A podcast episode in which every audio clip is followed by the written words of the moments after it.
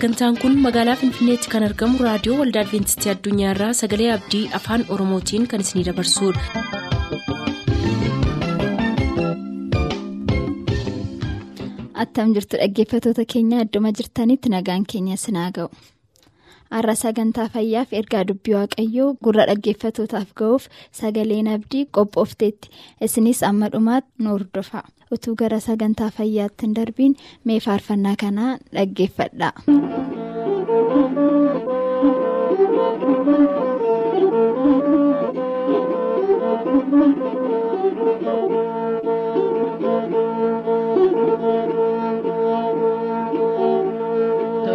Tokkollee namfifne dhukkuba keenya yesus nu fayyiseera hunda keenya galata galchinaaf waaqa keenya ulfinne haa ta'uuf mootii keenya tokkollee namfifne dhukkuba keenya yesus nu fayyiseera hunda keenya galata galchinaaf waaqa keenya ulfinne haa ta'uuf mootii keenya.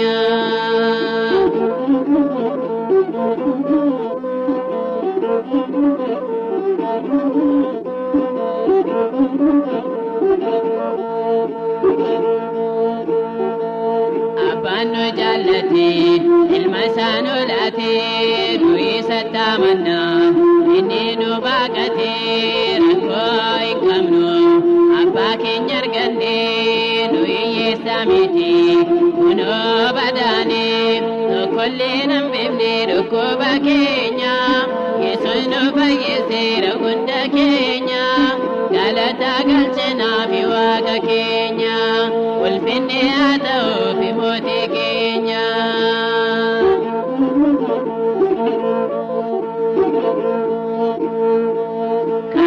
Amaneen fayyaa amannee fayyine humna gooftaa yesus kunoo argine baay'ee nu rakkise jirdinni keenya jalaa nu yaase yesus gooftaan keenya tokkollee nan beekne dhukkuba keenya yesus nu fayyiseera hunda keenya galata galchinaaf waaqa keenya ulfinne haa ta'uuf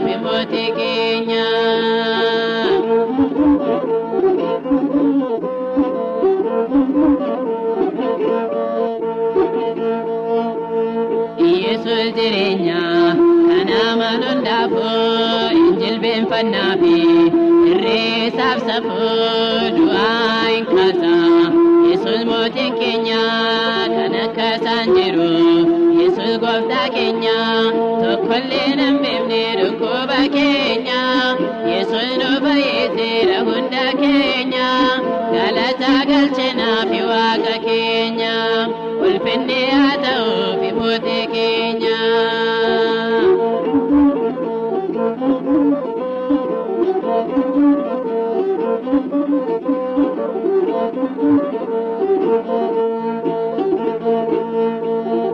Oboonis qajeelee galateeffateera jaamaanis ilaalee galateeffateera duudhaan hin dhaga'e akkuma isaatiin kan akka isaan jiru isuma fayyinne tokkollee nan beekne dhukkuba keenya yesus nu fayyiseera hunda keenya galata galchinaaf waaqa keenya ulfinne haa ta'uuf mootii keenya tokkollee nan beekne dhukkuba keenya yesus nu fayyiseera hunda keenya galata galchinaaf waaqa keenya ulfinne haa ta'uuf mootii keenya tokkollee nan beekne dhukkuba keenya.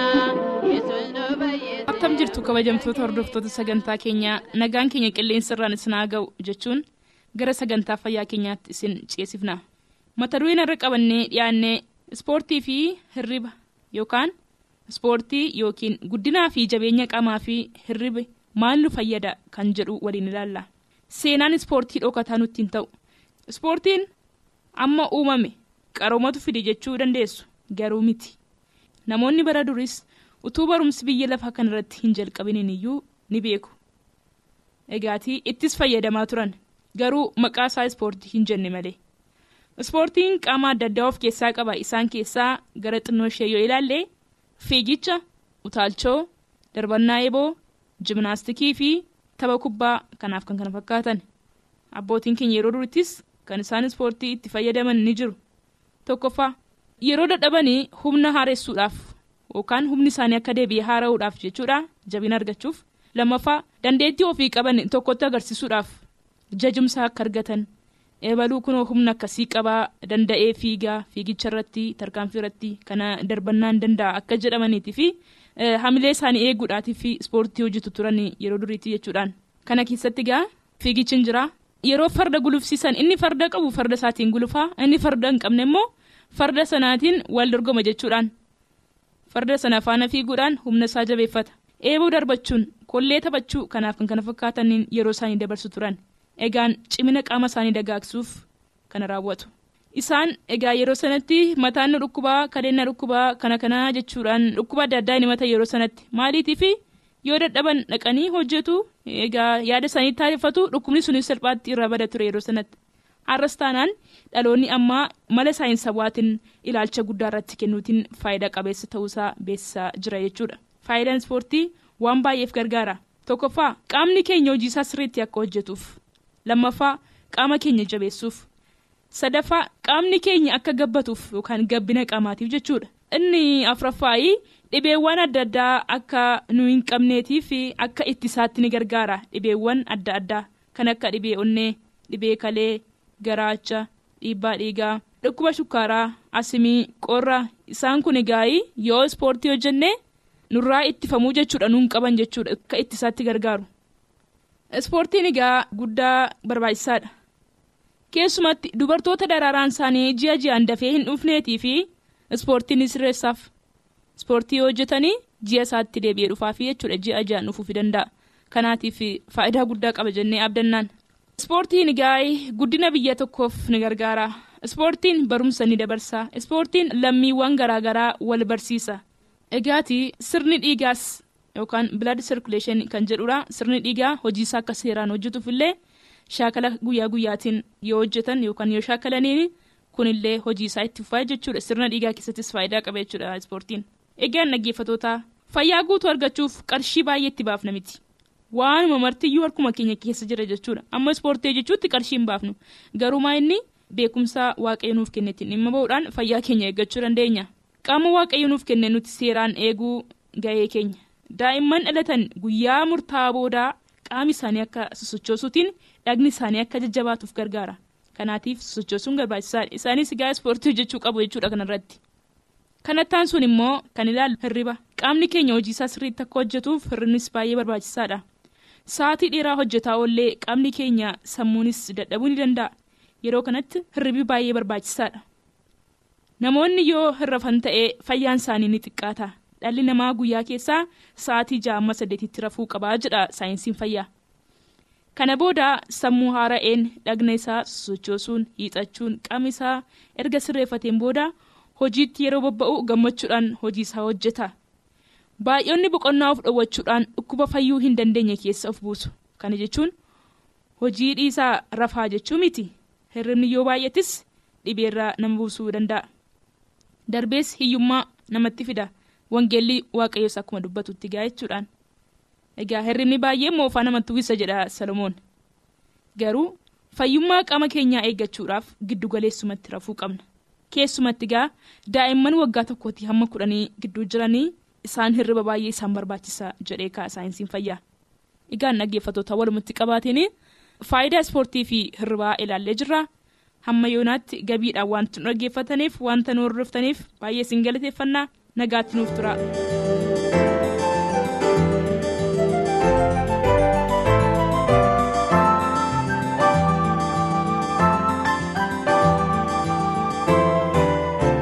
kun raadiyoo adventistii addunyaa sagalee abdii isiniif dabarsudha dubbii waaqayyo immoo kan nuuf qabatanii dhiyaatan obbo Takilee Abboseeti faarfannaa kanaan gara obbo Takileetti.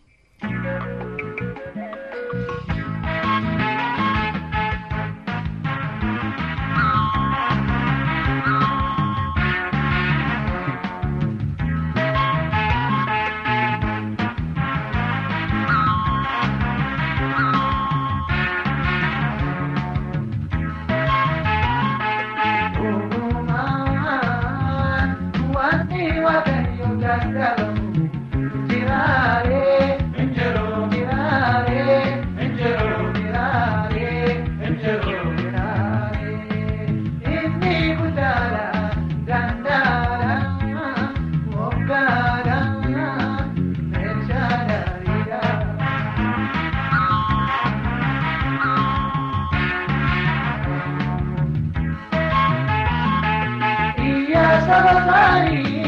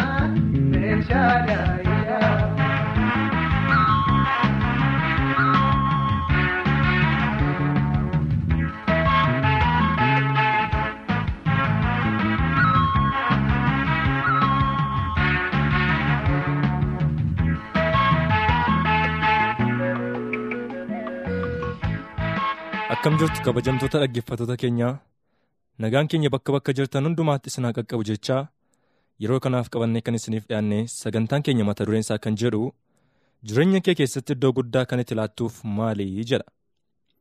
Mee gara waaqayyootti yaada keenya deebisnee waaqayyoon hin kadhanna. Ulfaataadhaaf amanamaa kan taate yaa waaqayyo abbaa keenyaa guddaa guddifnee si galateeffanna. Yeroo gaarii kana waan nu laatteef. Ammas yaa gooftaa yeroo kana immoo sirraa barachuu feennaa ati nu barsiisi hafuura kee nu gargaara maqaa yesuusiin ameen. jireenya kee keessatti iddoo guddaa kan itti laattuuf maalii jedha? Namootni baay'een biyya lafaa keessatti jireenya isaanii keessatti wanta adda addaadhaaf iddoo adda addaa laatu? Fakkeenyaaf yoo fudhanne barataan jireenya isaa keessatti iddoo jalqabaa kan inni laatuuf barumsa isaati? Wanti baay'een wanta inni hojjetu jiraachuu ni danda'a? Wanta inni yaadu jiraachuu ni danda'a haa ta'u iyyuu malee hojii isaas akka isa guddaatiif isa jalqabaa godhee iddoo kan inni laatu yoo jiraate waa'ee barumsa isaati kaayyoon isaas isa waan ta'eef. Qottuus yoo furanne akkuma kanaa waan baay'ee hojjechuu ni danda'a kaayyoo adda addaa fakkeeka adda addaas qabaachuu ni danda'a garuu hojii isaa keessatti oomisha gaarii argachuudhaaf kan inni ilaalcha gaarii itti kennu yoo jiraate qonnaa isaati. Daldaalaanis akkasuma daldala isaa barsiisaanis ta'e barsiisa. Kanaaf kan kana fakkaatan waa baay'eetu jira biyya lafaa keessatti wanta hojjetaman namoota hojii adda addaa hojjetan hojii isaaniitti ilaalcha adda addaa yookaan sadarkaa isa jalqabaa kennaniif argamu.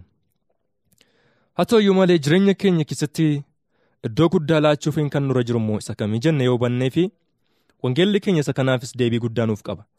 Jireenya keenya keessattis maaliif yoo iddoo guddaa laanne jireenya attamii akka jiraannus hiikkaa isaa gaarii godhee ibsa gaarii wajjin lafa nuuf kaa'a.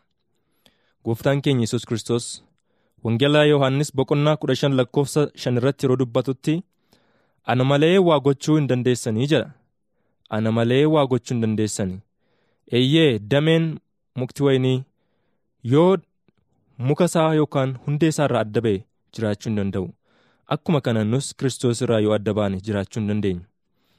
Tarii Kiristoosin yoo waa isaan beeknu ta'e yoo dhiisne jireenyi jiraanna jenna jireenyi nuti har'a jennu garuu jireenya dhugaa ta'uu hin danda'u. Jireenyi Kiristoosin malee jireenya gaddaati. Jireenyi Kiristoosin malee jiraatan jireenya yaaddoodhaan guuteedha. Jireenyi Kiristoosin malee jiraatan jireenya qorumsaan guuteedha. Jireenyi Kiristoosin malee jiraatan jireenya abaarsaati. Jireenyi Kiristoosin malee jiraatan jireenya eebbi keessa hin jirredha. Jireenyi Kiristoosin malee jiraatan jireenya barakati keessa hin jirredha. Jireenyi Kiristoosin malee jiraatan jireenya jibbi keessa guute hinaaffaan keessa guute. Eeyyee kanaaf kan kana fakkaatan.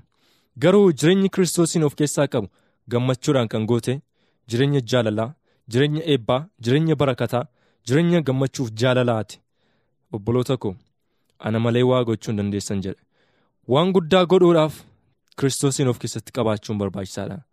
Jireenya keenya keessatti Kiristoosiin isa jalqabaa yeroo goonutti mo'ichaan deebina. Jireenya keenya keessatti Kiristoosiin yeroo jalqaba goonutti ulfina guddaadhaan deebina. Jireenya keenya keessatti yoo Kiristoosiin adda jalqaban goonu ta'e garuu Kiristoosiin dursinee fiigna ta'e garuu qooda mo'ichaa mo'amuudhaan deebina. Qooda ulfinaas immoo salphinaan deebina. Kanaaf jireenya keenya keessatti Kiristoosiin iddoo jalqabaa gochuun baay'isee barbaachisaadha. Jireenya isa waaqarraa qofaaf miti. Kiristoosiin of dura buusanii deemuun kan inni nama gargaaru. Jireenyuma biyya lafaa kanaa keessatti illee taanaan Kiristoosiin kan waaqessan Kiristoosiin jireenya isaanii keessatti dura kan godhan mataadha malee eegee akka hin taane wangeelli keenya dhugaa nuuf ba'a itti dhufnee ni ilaalla gara boodaatti. Tarii of tuulmaan jibbi hinaaffaan kajeellaan foonii bareedinni biyya lafaa guddinni foonii maqaa guddaa biyya lafaa keessatti qabaachuun kanaaf kan kana fakkaatan wanti baay'een jireenya keenya keessatti fudhataniiru laata. Mee dhaggeeffatootaa gara jireenya tokkoon tokkoon keenyaatti deebinee of haa ilaallu of haa qorru eessa jirraa? Jireenya keenya keessatti iddoo jalqabaa goonee kan jiru kami? Mee of haa gaafannu yeroo kana yeroon isaas ammoo. Seera uumamaa boqonnaa sadii lakkoofsa sagal irratti addaam garbichi waaqayyoo abbaan keenya inni jalqabaasa ta'e abboommi waaqayyoo yeroo cabse jedhutti waaqayyoo irraa yeroo kaatee jedhutti addaam addaam eessa jirta jedhee waaqayyo isa gaafate har'as taanaan jireenya keenya keessatti gaaffiiwuma kanatu nuuf gaafatamaa jira eessa jirtu kan jiru? Jireenya keenya keessatti maal godhaa jira? Iddoo jalqabaa kan nuti ilaanneefi jiru isa kamii mee mooticha jireenya isaa keessatti iddoo jalqabaa waaqayyoof kenne? Dhugaadhaaf iddoo guddaa kenne? Ulfina waaqayyoo mul'isuudhaaf iddoo guddaa kan kenne? Jireenyi isaas eebbaan kan guuteef haa ilaallu. Mootota isa tokkoffaa boqonnaa sadii lakkoofsa shaniif sagal darbees kudhan irraa yoo ilaalle akkas jedha. Gibeyoonitti halkan abjootti waaqayyo akkana jedhee Solomoonitti mul'ate maal akkan sii kennu kadhadhu? Maal akkan sii kennu kadhadhu? Maal feetanar Solomoonis jedhee abbaa koo garbicha kee daawwitii wajjin araara guddaa isaa gooteer ta'u inni fuula kee duratti dhugaadhaaf tolatti qajeelummaa garaa isaattis wajjin akka deeme isa guddaa araara kees keessee fi teessoo isaa irras kan taa'u ilma kennitee fi kunoo har'a akka jiru. Ammas yaa waaqayyo waaqa koo ana garbicha kee qooda abbaa koo daawit namoosifteer ta'u anis ba'u kootiif galuu koo kanan hin beekne mucaa xinnayyoodha hubadhaa akka inni itti galuuf deebisee fuula waaqa duratti waaqayyoon kadhataa jiru. An waan tokko kan hin beekne an mucaa xinnayyoodha. Garbicha keessa sabaatti fo'atte keessa jira. Saba guddaa baay'ina isaatiif lakkaa'amuun wayin qixxeeffamuu akka hin danda'amne. Garbicha keetti garaa hubataa kenni. Saba kee irratti haa faraduutiif waan gaariidhaaf waan hamaas gargar baasee haa beekuuf. Kanaa achis saba baay'ee kana irratti eenyuuf faraduu danda'a? Hubadhaa yaa saba Waaqayyoo. Maal akkan siif kennu feeta jedhee Waaqayyo Solomoon garbicha isaa gaafate. Anaaf isin har'atu Waaqayyo akkas jedhe nu gaafate. Maal jenneeti deebii deebisnaa? Inni kaan konkolaataa bareedduu naaf kenni jedha.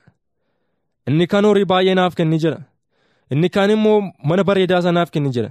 Inni kaan immoo michuu bareedaa yookaan michuu gaarii naaf kenni jedha. Inni kaan immoo biyya lafaa kana irratti beekamuun barbaada jedha. Inni kaan immoo mootii ta'uun barbaada jedha. Tarii kan akka daawwiti an firdii dhugaaf faraduun barbaada. Dhugaatti sijjin deddeebi'uun barbaada jedhus jira. Mootummaa kee dhaaluun barbaada kan jedhus jira fedhii namoota adda addaa. Filmaati baay'een kun jiraatu malee filmaata jiran kana keessaa kan koof kan keessan isa kami. Yeroo kana sarara gaaffiin kun nu gaafatamaa jira. Waaqayyo tokko tokkoo keenya nu gaafachaa jira. Maal akkan siif godhu feeta jedhaa jira maqaan Waaqayyo haa galateeffamu. Garuu hundumti keenya har'a filmaata nuuf ta'u wallaaluudhaan kan ka'e rakkina adda addaaf balaa adda addaa keessa buune kan argamnu. Waaqayyo tokko tokko keenya har'a maal akkan siif godhu feeta jedha. Solomoon garbichi Waaqayyoos ilmi daawwit kan ta'e ani jedhe saba kee gidduutti firdii dhugaaf faraduudha. Hubannaaf qalbii akkati naaf laattuun barbaada. Hubannaa akkanaaf laattu hamaaf gaarii gidduutti gargar baase akkan beeku jedhe. Mul'ata boqonnaa sadii lakkoofsa kudha shanii kaastanii yoo dubbifattanii dhukkuba laadooqiyaan qabdu keessaa tokko jaamummaadha. Yassaba Waaqayyoo iji keenya akka banamu ni barbaachisa. Iji nuu banamuu qaba iji hafuuraa. Hamaaf gaarii gidduutti gargar baafne akka beeknuuf. Firdii dhugaaf firdii jal'aa gidduutti akkam gargar baasne beekuun akka nuuf ta'uuf hubannaa hafuuraa qabaachuun barbaachisaadha. Barri kun bara akkamii akka ta'e hubachuudhaaf hubannaa hafuuraa qabaachuun baay'isee barbaachisaadha. Deemsa akkamii akka deemaa jirru? Akkamittiin akka deemaa jirru? Eessarra karaa akkamiirra akka deemaa jirru? Biyyi lafaa kun maal akka fakkaatu sirriitti hubachuudhaaf? Hubannaan hafuuraa barbaachisaadha obboloota koo. Kanaaf Waaqayyo ija keenya haa banu. Garbichi Waaqayyoo Solomoon hubannaa akka naaf laattuun barbaada jedhe. Mee Waaqayyo immoo maal akka inni jedhee deebiseef haa ilaallu. Waaqayyoos jedheeni waan kana kadhatteer ta'uu bara baay'ee badhaadhummaa lubbuu diina tokkeetiis hin kadhanne firdii gargar baasuudhaaf ogummaa kadhatte malee anis kunoo akka dubbii keessiif godhee kunoo garaa afchaalaaf hubataa siif kenne homti nus si dura akkan turre si booddees kan si fakkaatu akka hin taane godhee kan ati hin kadhatin ulfinaaf badhaadhummaas immoo siif kenne bara kee hundumaa mootota hundumaa keessaa kan siif fakkaatu akka hin jirre jedhe maqaan waaqayyo haa galateeffamu. Waaqayyo kan inni kadhates laatee fi darbees immoo badhaadhummaa guddaa guddina guddaa dabalee laateef. Maatiyoos ja'a soddomii sadiirraa maal jedha? Duraan dursitanii mootummaa waaqayyoo barbaadadhaa. Tola isaas kunuus hundumti nutti isiniif dabalama jedha. Yaa dhaggeeffatootaa har'a jireenya keenya keessatti duraan dursinee sadarkaa guddaa laanneefi kan jiru maali seera keessa deebii 28 tokko kaastanii yoo dubbifattan sagalee waaqayyo waaqa keetii yoo dhageesse jedha eebbachi keessatti nu duukaa bu'an hundumaa nurratti dubbata. Egaa yaa obboloota koo waan hubachuu qabnu har'a jireenya keenya keessatti iddoo jalqabaa laanneefi kan jiru maali? Eeyyee kan waaqayyoon duukaa bu'an waaqayyo mataadha malee eegee isaan hin godhu. Kanaaf jireenya keenya keessatti iddoo guddaa waaqayyoof akka laannu innis nu keessatti akka ulfaatuuf waaqayyo ayyaana isaa nuuf maqaa isaatiin ameen.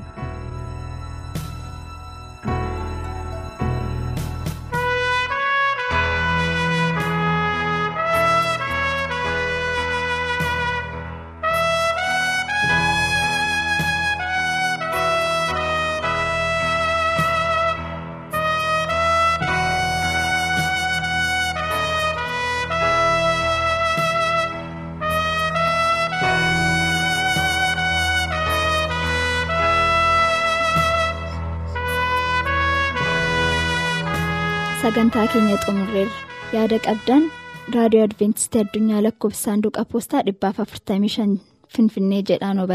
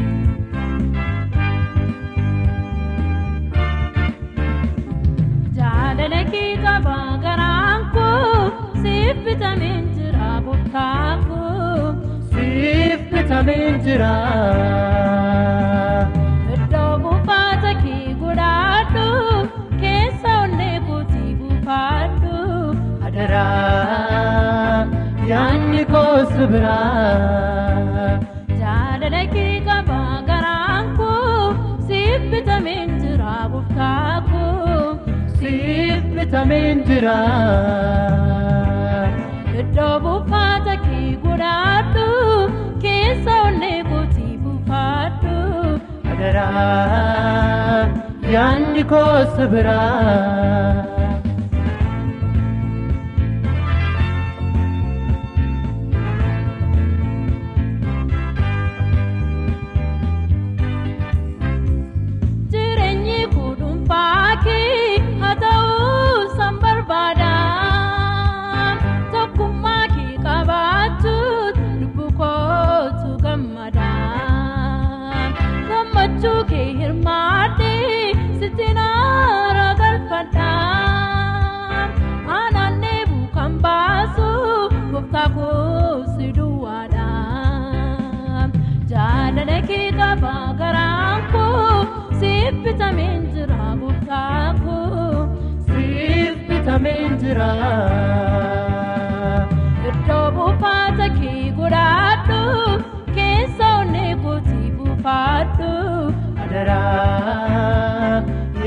cosa habrá.